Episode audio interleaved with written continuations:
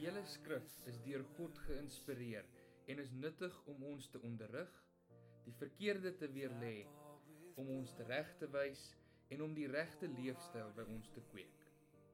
Dit is God se manier om sy mense voor te berei vir hulle taak, ten volle toegerus vir elke goeie ding wat hy wil hê hulle moet doen. Jy luister nou na 'n opname van een van Simfonie se preke. Mag die Here jou seën terwyl hierdie woord aan jou bedien word.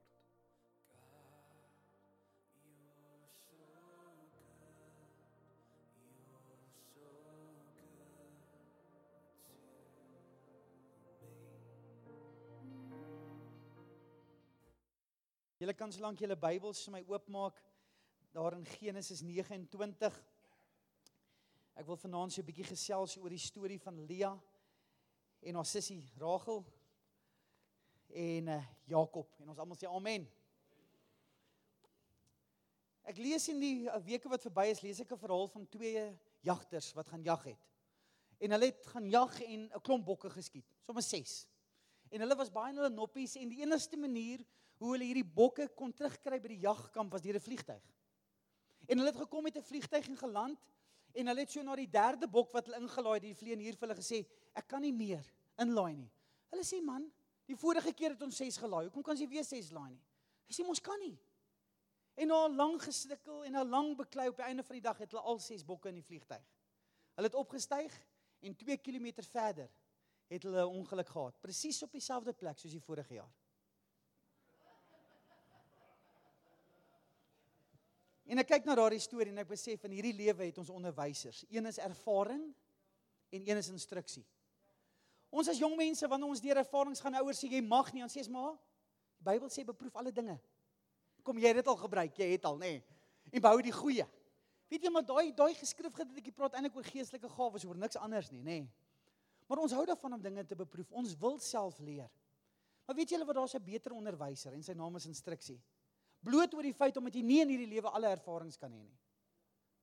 En weet jy wat? Partykeer is die ervarings het 'n duur prys. En daarom het ek baie keer besef wanneer my ma vir my sê, "Maar leer uit my foute uit." En wanneer ouer mense vir ons sê, "Leer by my, ek was al daar, dit gaan gebeur." En dan gebeur die ding, dan sê jy, "Maar hoekom het ma my nooit gesê nie?" Hoekom het niemand my nooit gesê nie, maar eintlik het ons, nê? Nee. So waar jy vanaand sit, moet jy besef in hierdie lewe gaan daar altyd onderwysers wees. Gaan nie noodwendig jou ouers wees of pastoor of predikant nie, maar dit gaan die lewenservaring wees. Maar dan is daar ook die woord van God wat 'n duidelike instruksie vir jou en my lewe is. En wanneer ons na die Bybel kyk, sien ons ons baie mense wat geleef het, wat ervarings gehad het, wat daardeur geleer het en wat ek 'n bietjie kan gaan stil sit en leer uit hulle lewe uit sodat ek nie dieselfde foute maak nie.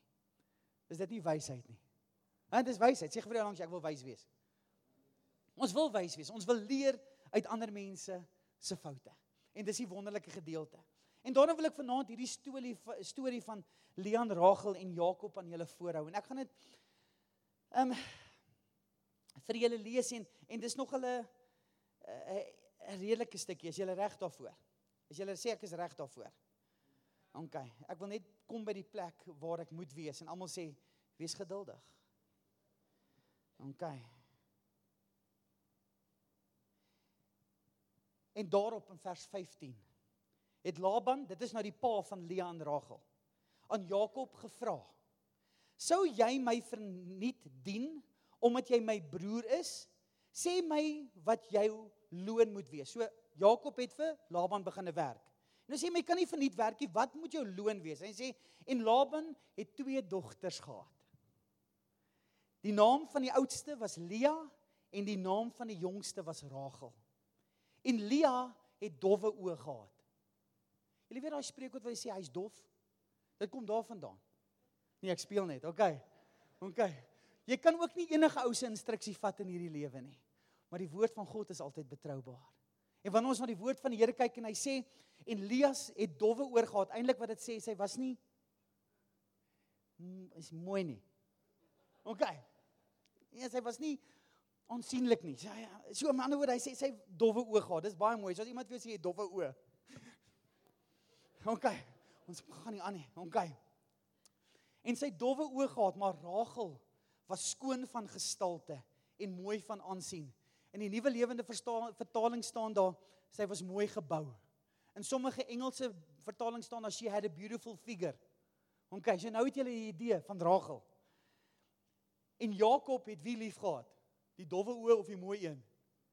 Vir Rachel, nê. Nee. Hy het vir Rachel lief gehad. Daarom het hy gesê, "Ek sal u 7 jaar dien vir Rachel, u jongste dogter." Toe antwoord Laban hom, "Dit is beter dat ek haar aan jou gee as dat ek haar aan 'n ander man gee. Bly by my." So het Jakob dan 7 jaar gesien of jaar gedien vir Rachel. En hulle was in sy oë so soos en dit was in in sy oë soos 'n paar dae omdat hy haar liefgehad het. Wie van julle kerels het vir gesê ons gaan al 7 jaar uit, maar dit voel soos 'n week. Hæ? Huh? Wie van julle ja, dit dit is jo nê. Liefde is 'n snaakse ding nê. Wow, verliefdheid, dit is 'n snaakse ding want hy was verlief op hom, hy het haar liefgehad. Toe sê Jakob vir Laban: "Gee tog my vrou, want my dienstyd is om dat ek by haar kan ingaan." Daarop het Laban al die manne van die plek versamel en 'n maaltyd berei.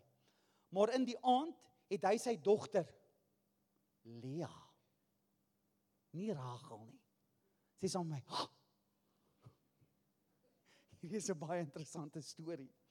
Daardie aand het hy sy dogter Lea geneem en haar na hom gebring en hy het by haar ingegaan. En Laban het aan haar sy slavin Silpa gegee, naamlik aan sy dogter Lea as slavin. En die ander dag môre, dit is nou die volgende môre, toe Jakob wakker word nadat hy by Lea was, het hy gesê, "Wat het u nou aan my gedoen?" Die ander dag môre, daar was Lea. Daarom het hy aan Laban gesê, "Wat het u aan my aangedoen? Was dit nie Rachel by wie ek in diens was nie? Waarom het u my dan bedrieg?" En Laban antwoord hom, "Dit is hier by ons nie die gewoonte om die jongste voor die oudste weg te gee nie." Hou die volle bruilofsweek week met haar, dan sal ons jou die ander een ook gee vir die diens wat jy nog 7 jaar by my moet volbring. Nou moet hy vir nog 7 jaar werk. Hæ? Dit is nie 'n mooi storie hierdie nie, nê? Klink dit nie vir jou soos die lewe nie? On Julle het dit gesê, nie ek nie. OK. Dis baie keer ons die lewe ervaar as onregverdig. Nee, sê maar ek het dan gewerk vir Rachel, jy gee vir my lewe, nou moet ek nog 7 jaar werk. En baie keer is dit die lewe, nê, nee, baie onregverdig. En Jakob het so gedoen. Hy het die volle bruilofsweek vir haar gehou. Toe gee hy sy dogter Rachel aan hom as vrou. En Laban het aan sy dogter Rachel, sy slavin, hulle het baie vreemde name gehad, Bilha gegee as slavin vir haar. En hy het ook by Rachel ingegaan en Rachel ook meer liefgehad. Nie 'n mooi storie hierdie nie. Hy het Rachel meer liefgehad as Lea en hy was by en hy was by hom nog 7 jaar in diens. En toe die Here sien dat Lea nie lief geliefde was nie, het hy haar skoot geopen, maar Rachel was onvrugbaar. En Lea het bevrug geword en 'n seun gebaar en hom Reuben genoem, want sy het gesê gewis Die Here het my ellende aangesien, want nou sal my man my lief hê. En sy het weer bevrug geword en 'n seun gebaar en gesê gewis die Here het gehoor dat ek nie die geliefde is nie en my hierdie een ook gegee en sy het hom Simeon genoem. En sy het weer bevrug geword en 'n seun gebaar en gesê nou uiteindelik sal my man aan my geheg wees omdat ek vir hom drie seuns gebaar het. Daarom het sy hom Leefie genoem. En sy het weer bevrug geword en 'n seun gebaar en gesê: "Die keer sal ek die Here loof." Daarom het sy hom Juda genoem en sy het hom en sy het opgehou met baar tot daar. Dis 'n lang storie. Eenvoudige storie. Hierdie jong man werk by iemand, Laban. Hy raak verlief op sy dogter Rachel. Hy werk vir 7 jaar om met haar te trou en die aand van liefliksnag gee die pa die een met dowwe oë heel waarskynlik omdat die pa geweet het sy sal dalk nie eendag 'n man kan kry nie. So dalk het sy groot geword met die verwagting in haar hart ek is nie geliefd nie, ek word nie waardeer nie. Dalk het sy groot geword met die waarde en die stemme van hoor jy is nie goed genoeg. Ek wonder of ons baie keer in hierdie lewe met daardie stemme groot word. Kan dit wees dat ek en jy baie keer ook in ons lewe voel minderwaardig? Ook baie keer in die pad Ook baie keer voel ons ons behoort nie, ek is in die pad. Ek is waar waar waar pas ek in? En hierdie meisie word toe gegee aan Jakob en met die groot skok wat hy wakker word, waar sy die hele huweliksnag by hom spandeer het, sien sy die teleurstelling in sy oë en sê ek wou haar nie gehad het nie. Van julle sit dalk vanaand hier son jy's in 'n werksituasie en jou baas het vir jou gesê jy's nie goed genoeg nie, ons wil jou nie meer hê nie. Vir van ons sit dalk vanaand in 'n huwelik en ten aanskouing van jou huweliksmaat het jy al baie keer gehoor ek is spyt ek het met jou getrou.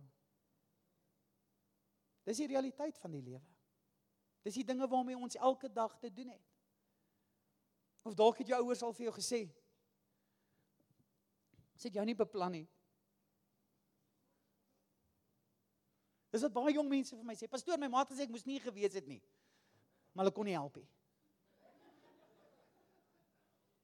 En ek wonder hoe baie van ons gaan deur hierdie lewe met hierdie gevoelens van ek is nie waardeer nie, ek pas nie in nie, ek is nie geliefd nie. Ek behoort nêrens nie of selfs die gevoel van ek is nie goed genoeg nie. Hierdie arme jong dame sien hierdie man se teleurstelling want hy wil eintlik iemand anders te gehad het. Onthou daai eerste keer toe die meisie vir jou gesê het, dis nie jy nie, dis ek. En toe sy iemand anders te gaan kies. Is dit nie so nie? Daai teleurstelling, maar hier kom sy. Haar hele lewe lank en ek is seker Lia het 'n hart gehad vir Jakob. Dalk sal my man my lief hê. Sy noem hom dan haar man. Maar sy was nie geliefd nie. Maar 'n wonderlike ding wat ek raak lees is die Here het haar gesien.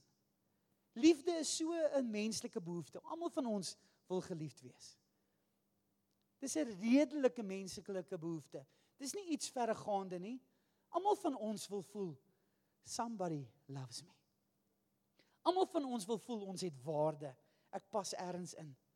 Almal voel wil dalk Valentynsdag 'n brief hê. Een van ons jong mense het 'n videoetjie gemaak van Valentynsdag. En sy het vir haar geskenke gaan koop en dit op haar bed gegooi. Nou neem sy die videoetjie so af, gaan sy uit, maak sy die deur toe, kom sy na kamer en oh, wie het vir haar geskenke gekoop?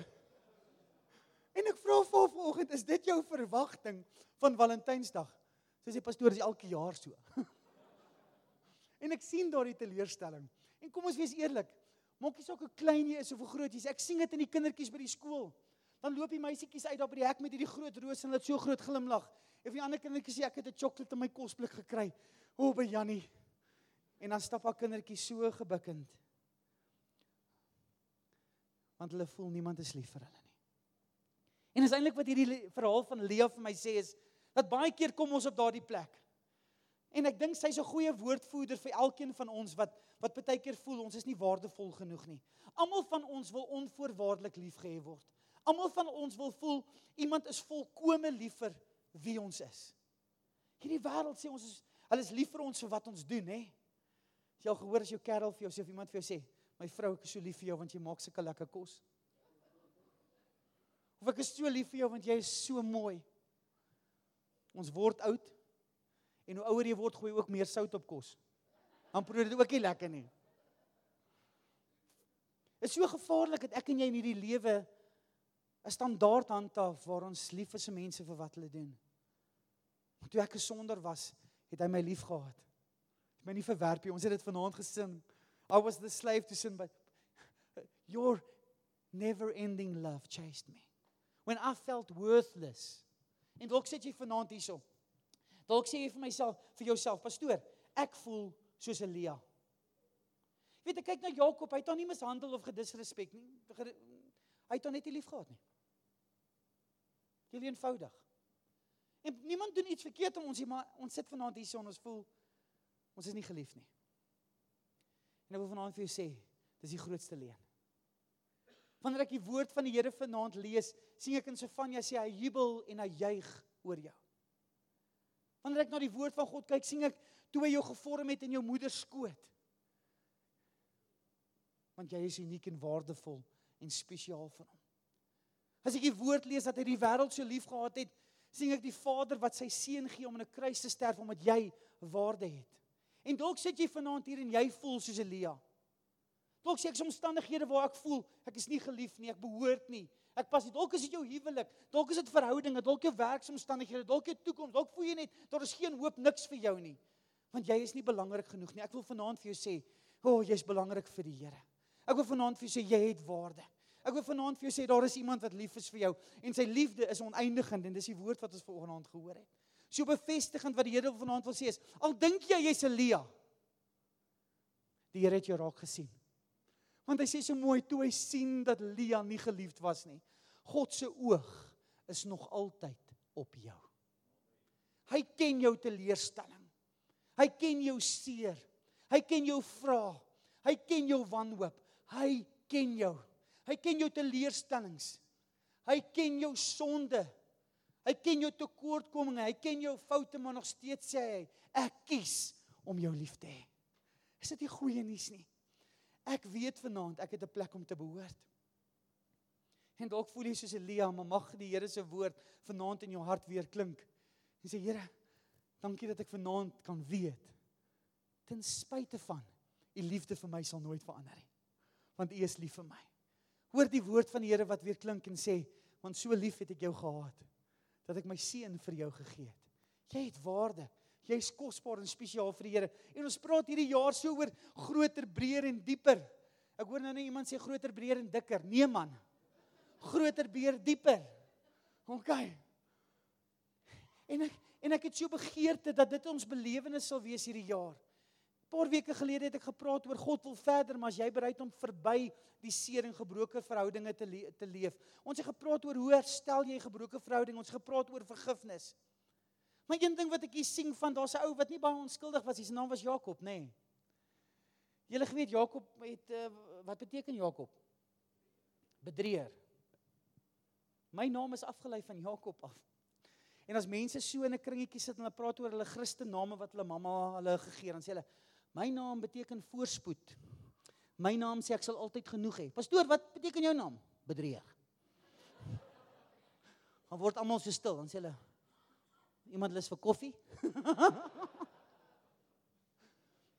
maar hy het sy broer se eerste gebore reg gesteel. En die een ding wat ek agterkom is in hierdie lewe wat jy saai is wat jy maai, is dit nie so nie? En van julle sit dalk vanaand hier so en sê ek het slegte saad in die grond rondom verhoudinge. Ek het mense al teleurgestel en ek het al dinge gedoen en en en waar ek vanaand sit is ek dalk nie Elia nie, maar ek was die Jakob wat Lea moes lief hê en ek het nie. Dalk is jy vanaand daardie ou. En jy sê maar hierdie saad gaan opkom en dit gaan 'n opbrengs lewe want dit wat ek gesaai het gaan ek maai. En baie mense vra my, "Hoe kry ek hierdie goed dood?" Weet jy wat? Jy kan daardie daardie negatiewe saad in jou lewe dood kry. Deur versoening, deur vergifnis en deur om aan te hou om die goeie ding te doen want die goeie oorwin die slegte in hierdie lewe. En daarom moenie hoop opgee as jy foute gemaak het. Jy kan sê ek is jammer. As jy as jy foute begaan het, kan jy sê kan ek oor begin. Jy kan sê vergewe my. Jy kan nie begin. Jy kan nuwe saad in die grond sit. Dalk as jy vanaand in jou huwelike Jakob en jy weet jou vrou wat jy moet lief hê, jy nie weer gelaat. Dalk deur liefdeloosheid of net deur om stil te bly. Dalk deur jou onbetrokkenheid. Mag jy vanaand sien dat daardie Lia eintlik 'n Rachel is in jou lewe. Amen mag jy die mense waardeer wie die Here vir jou gegee het by jou werk, in jou huis. So Rode sê dit so by begrafnisse, mag jy blomme koop voordat die persoon hier in die kerk is. Mag ons mekaar waardeer. Mag jy daardie man wees. Mag jy daardie persoon wees wat die mense in jou lewe liefhet. So manne voor die Here praat vanaand met ons oor Elia, dalk voel jy nee, ek's nie geliefd nie. Die Here sê jy's geliefd. Die Here sê glo my vanaand. Jy het soveel teleurstellings gehad in die lewe en soos wat Stefan vanaand gepraat en gesê jy dalk teruggetrek en sê hierdie werk nie meer vir my nie. Maar die liefde van God het jou gejaag en dit druk jou en dit dring jou. Mag jy vanaand gearresteer word deur sy liefde vir jou lewe om te besef hy's lief vir jou of mag jy gekonfronteer word deur sy liefde om te sê maak reg. Amen. Om te sê maak reg. Ek en jy kan regmaak. Amen. So dis die lewe en ek is amper amper klaar ek het nog so twee belangrike puntjies. Die tweede les wat ek hierso sien is dat ek vir myself afvra wat het Lia met hierdie teleurstelling gedoen? Een van die dinge wat jou hierdie jaar gaan weerhou om groter, breër, dieper te gaan is teleurstelling, hoor. Teleurstelling in mense, teleurstelling baie keer in jouself. Ek een ding wat ek weet, ek is nie perfek nie. Anders sê ek's baie naby daaraan. Maar ek is nie. Sy's nou nie hier nie. Ons huweliksherdenking vandag 18 jaar. 18 jaar, hè? My familie het almal vandag gebel en gesê sterkte vir haar. So 'n familie, nee, het jy nie vyande nodig nie. My huweliksherdenking vandag en ek besef almal van ons O, oh, in hierdie lewe een ding wat jy gaan wil terughou hierdie jaar is teleurstelling. Dit is. En jy gaan teleurgestel word in mense. Jy gaan selfs teleurgestel word in jou eie pogings. Weet jy wat? Selfs mense in die kerk gaan jou teleurstel. Selfs jou huweliksmaat. Selfs jou pastoor wat vir jou sê ek bel jou nou-nou. En na 'n week kla die Here my aan en sê het jy hom gebel? En sê ek nee Here, ek het nie. En dan sit jy 'n moeilike foonoproep en sê Haai. maar jy kan regmaak. Maar teleurstelling is ietsie wat Lia mee gekonfronteer was in haar lewe. En ek sien in my eie lewe is daar altyd 'n paar dinge wat jy kan doen of jy kan kla. As ek hoor dat kom kla die hele tyd oor alles, weet ek ek het teleurgestel. Of jy kan bitter word. Alles wat by jou mond uitkom is donker en swartgallig. Is dit nie so nie? Of jy kan kwaad word. Die enige dingetjie irriteer jou en jy's so frustreerd, almal is net uit jou pad uit die hele tyd. Dis die dinge wat gebeur wanneer baie keer in ons lewe manifesteer wanneer ek en jy op daardie plek waar ons teleurgestel word. O, oh, Malia doen ietsie anders te hierso. Ek sien wanneer hulle praat oor sy kinders gekry en sy noem hulle name hoor ge hierso? En Lia het bevrug geword en sy het 'n seun gebaar wat se naam Ruben genoem was En hy gesê die Here het my ellendig aangesien want nou sal my man my lief hê. Dalk as jy teleurgesteld en jy glo dat mense jou gelukkig gemaak want dit was haar hoop. Sien haar vertroue was as ek maar net 'n seun sou baar, dan sou Jakob lief wees vir my. As ek maar net dit doen, sal my omstandighede verander. As ek maar net doen, as ek maar net dit kan hê, dan sal die lewe vir my beter wees. Waar was haar fokus? Nie die Here nie, nê. Op mense. En dis een van die grootste bronne wat ons teleurstel, maar sy sê ietsie, die Here het my aangesien. Die Here het my gesien. Hy gaan verder aan en sê sy het weer bevrug geword. Nee, en sy sê daar's so gewis die Here het my gehoor. Sy sê hom met my gehoor. So sy kla nie. Sy word nie bitter nie. Sy word nie kwaad nie. Met wie is sy besig? Sy's besig met die Here. Die Here het my gehoor. My gehoor. En een ding wat ek agterkom wat in hierdie gedeelte doen, is dat wanneer sy teleurstelling ervaar is, hanteer sy dit met gebed. En dis een van die dinge wat ek en jy moet doen in hierdie jaar. Want ons gaan teleurgestel word en wanneer jy teleurgestel word, vat dit na die Here toe. Jy kan of kla of bitter word of kwaad word, maar vat dit eerder na die Here toe. Vat dit in gebed na die Here toe. Want is daar waar God mense se harte verander. Is daar waar die Here jou hart verander. Is daar waar jy kom waar jy genesing ervaar. Neem dit na die Here toe. Ek gaan vir jou iets skokkings vertel, as jy reg. Een ding wat ek al agtergekom het in my eie lewe. Ek en jy is nie so onskuldig soos wat ons dink nie. Iemand het eendag gesê hy het 'n storie. Sy het 'n storie. Hulle het 'n storie. Die bure het 'n storie. Oor hulle storie. Maar dan is ook die ware storie. Is dit nie so nie? En wanneer ek in hierdie teleurstelling ervaar, hardloop eerder na die Here toe. Gaan 'n gebed na hom toe sê Here, sien my raak. sien my ellende raak. Here, Here voorsien vir my. Here help my. Here hoor my wanneer ek U aanroep en sê Here ek is in hierdie omstandighede ek weet nie hoe om hier deur te kom nie. Here ek is verward, ek is seer, ek is teleurgestel. Here ek weet nie, ek is bang. Here hoor my aan. Hoor my aan. Wanneer jy in jou lewe teleurgestel is. Ek weet nie van jou nie, maar ek praat nogal maklik. Ek sal vir iemand sê, jy weet, ons ons En dan stap jy weg, dan voel jy so skuldig oor wat jy gesê het. Is dit nie so nie? Maar wanneer ek dit na die Here toe vat, En wanneer ek voor hom kniel, bely ek eintlik een ding, Here, my hulp kom alleenlik van U af. Wanneer ek dit in gebed na hom te vat, sê Here, ek het nie die vermoë nie. Here mag U deur U woord en deur U gees my lewe rig dat ek eerder 'n vredemaker is of dat ek iemand is wat die hele tyd wil beklei. Want geseënd is 'n vredemaker. Hierdie goed wil ek deel maak van my lewe. Hardloop na die Here toe. Hardloop na die Here toe. Wanneer jy teleurgestel voel in jou lewe. Wanneer mense jou seermaak. Ek vir een van ons jong mense. Ek sien sy's nie hier vanaand nie. Hierdie week 'n uitdaging gegee om dit juis te doen om vrede te maak. Vanoggend toe ek haar sien, Dis dit so. Sy wat sê "Wat gaan aan?" Sy sê, "Nee. Ehm, sy het gedoen. Wat was jy gesê? Nee, wat sê jy? Hoe gaan dit? Voel baie lekker." Wat voel jy? Ek vry. Vry. Gaan na die Here toe. Maak reg.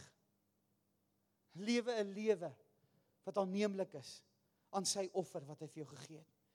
Ja, die lewe het gebeur met Lia, maar sy het tot 'n leerstelling na die Here toe gevat. Sy het tot 'n leerstelling na die Here toe gevat. Hy sê vanaand ek sien jou. Hy sê vanaand ek wil jou hoor. Ek lê ek slaan ag op jou omstandighede. En ons almal sê amen. Voordat jy klaar bid. Voordat jy beklei bid.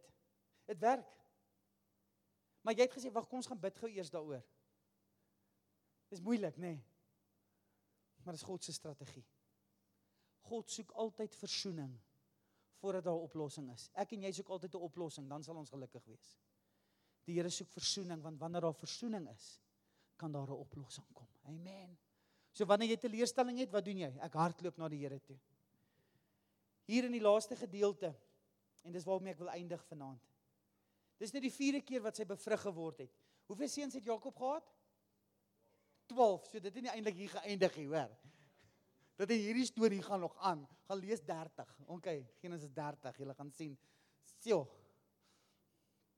En daar staan in vers 35. En sy het weer bevrug geword en 'n seun gebaar en gesê: "Die keer sal ek die Here loof." En sy het hom wat genoem? Juda. Wat beteken? Loof die Here. Die keer. Wat is anders te vir die vorige 3 kere? Die vorige 3 keer het sy geglo dat sy seentjie kry dat Jakob sou terugkom. Haar fokus was daar. En so baie keer wanneer ek 'n teleurstelling beleef en wanneer ek en jy seer en teleurstelling en hierdie dinge die gaan glo ons dat dinge en mense ons lewe gaan beter maak. En ons fokus bly op ander dinge, maar die Here wil hierdie jaar groter, breër, dieper mag hy jou fokus raak. En sy sê hierdie keer hierdie keer dink ek aan die Here, nie aan Jakob nie. O, oh, as ek maar net 'n kind sou baar, dan sal my man terugkom na my toe. O, oh, as ek maar net 'n kind sou baar, sou hy lief wees vir my. As ek vir hom 'n seun sou gee, sê sy die hele tyd gaan dink aan Jakob. En op hierdie keer sê sy, ek dink aan die Here. En sy het wat gedoen? Het sy onregverdigheid beleef? Het sy teleurstelling ervaar? Ja. Het sy gekla? Nee. Het sy kwaad geword? Nee. Het sy bitter geword? Nee. Wat het Lia gedoen? Sy het die Here geloof. En as ek en jy hierdie jaar oorwinning wil ervaar oor ons teleurstellings, het ek en jy nodig om die Here te begin loof uit 'n hart van dankbaarheid vir sy goedheid en sorg vir ons lewe. Ons oë afval van omstandighede, want jou omstandighede steel jou loflied. Maar wanneer jy na die Here kyk, en hy is jou bron en hy is die een waarop jy fokus. Dan sê die woord van die Here, dan roep jy uit: Juda, loof die Here. En sy het tot 'n leerstelling gekonfronteer deur met die Here daaroor te praat. Wanneer laas het jy met die Here gepraat oor jou seer en jou teleurstelling? En wanneer laas het jy die besluit gemaak om dan te sê ten spyte van sal ek die Here loof? ten spyte van sal ek die Here loof. Ek wil 'n kort storie vertel. Ek was 'n sendeling gewees in Amsterdam. En ons het gaan besoek af lê by 'n ehm 'n refugee 'n vlugtelingkamp. Sê ek antwoord myself. 'n Vlugtelingkamp, nê? Nee. En hulle is daar en ons het die geleentheid om woord te bedien aan mense. En ek het daar's 'n gesinnetjie en ek deel die met die vrou oor Jesus en daardie gesinnetjie gee hulle hart vir die Here. En daardie middag gaan ons terug na ons woning toe En ons kom weer die volgende dag terug om weer by hulle te kuier en te kyk hoe gaan dit met hulle dat ons 'n pad van disippelskap kan stap. En toe is hulle besig om hulle goed bymekaar te maak want hulle gaan terug. Ek is soos in daar's oorlog in jou land. Sy sê vir my, sy sê sy het altyd gedink vrede is die afwesigheid van oorlog. En daarom het sy gevlug. Maar vandag besef sy vrede is eintlik die inwoning van Jesus in haar hart. En vir ek wat die evangelie vir haar bring, staan eintlik daarin dink ek met myself, "Eina, het ek dit geglo?" En eintlik het sy my bedien. En ek leer by daardie vrou ietsie dat om te sê op daardie omstandigheid wanneer jy watter teleurstelling of krisis of ongeluk of moeilike omstandigheid ervaar, vrede en blydskap. O, oh, is die teenwoordigheid van God in jou lewe. Daarom sê die woord van die Here mag die blydskap van die Here jou beskutting wees.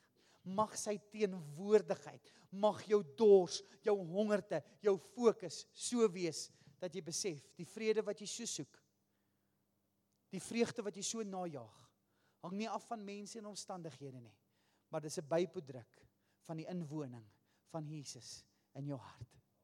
Amen. Goeienaand Lia. Jy is geliefd. Goeienaand Jakob. Gaan maak reg. Wanneer jy teleurgesteld is praat met die Here daaroor. En wanneer die teleurstelling daar is moenie ophou lof van hom bring nie. Sê hierdie keer dink ek aan die Here en ons almal sê amen. Kom ons sluit ons oë en ons bid saam. Kom ons sluit ons oë en ons bid saam. Here, U is so goed vir ons. U is so goed vir ons. Vanaand Here het ons gehoor van 'n verhaal van 'n vrou in die Bybel wat die lewe het met haar gebeur, teleurstelling op teleurstelling, seer na seer, verwagtinge, drome wat nie waar geword het nie. En so baie van ons sit vanaand in hierdie gehoor en ons sê ons ervaar ook dieselfde, die onregverdigheid, die verwagtinge wat nie verwesenlik word nie, die drome wat ons skerwe lê, die stikkende verhoudinge, die die plek van nie behoort nie, die plek van seer en teleurstelling, die plek van net om te voel I'm not loved. Maar Here, dit is op hierdie oomblik waar ons sê ja, Here, ons sien Lia se verhaal, maar dit is nie waar dit gebly het nie. Ons sien ietsie Here dat sy haar teleurstelling na U toe gevat het. En sy het gesê Here, U het haar raak gesien en ons lees dit. Toe sy nie geliefd was nie, het U haar raak gesien. So ek weet vanaand U is bewus van elkeen van ons waar ons is. Dalk in my huwelik vanaand. Voor ek Here ek gee alles. Ek gee alles maar ek kry niks terug nie.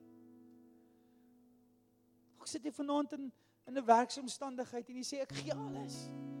Maar ek voel nie waardeer nie. Die Here sê moenie na leuns luister nie. Die Here sê ek het jou lief. Hou aan dien.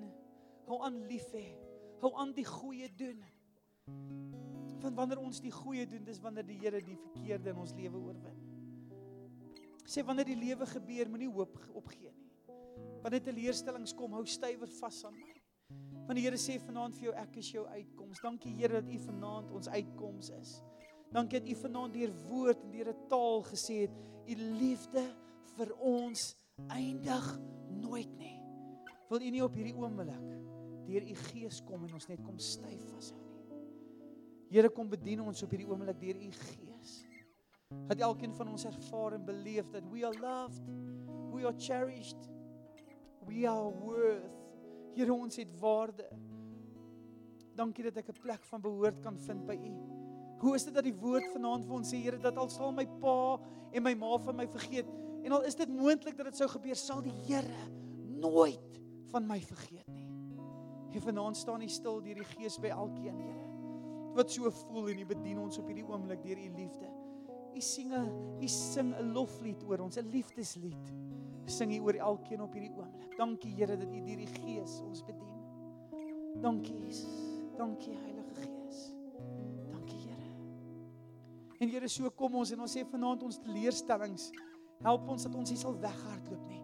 Help ons dat ons nie kwaad sal word, bitter sal raak en sal kla nie, maar dat ons mense sal wees wat ons in ons teleurstelling na die Here toe hardloop. Wat na U toe gaan, Here, in gebed en dat ons die verwagting sal hê dat U belangstel in ons omstandighede. U is ons uitkoms. Ons is weier en dis klaar dat ons weghardloop. Ons hardloop vanaand na U toe. O, want U woord sê die naam van die Here is 'n sterk toring. Wie daarna toe hardloop, hulle is veilig en vanaand hardloop ons nie weg nie, Here.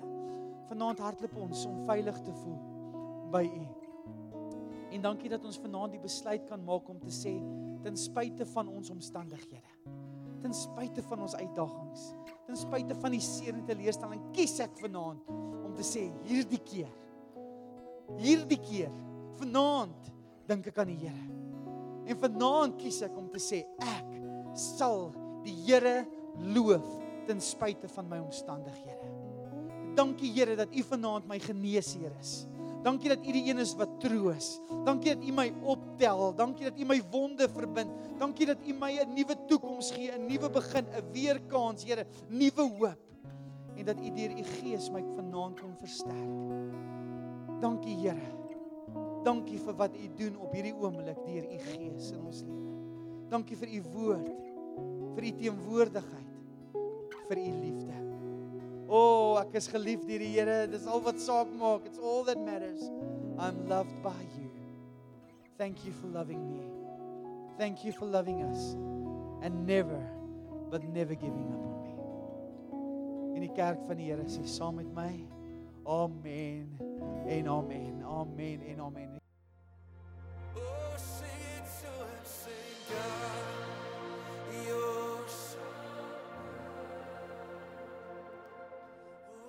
Is ons opregte wens dat hierdie boodskap jou geïnspireer het om elke dag te streef om liewer vir God, liewer vir jou gemeente en liewer vir die gemeenskap rondom jou te word. As jy meer wil uitvind oor simfonie en wat daar gebeur, besoek gerus www.simfonie.co.za. Mag die Here jou seën.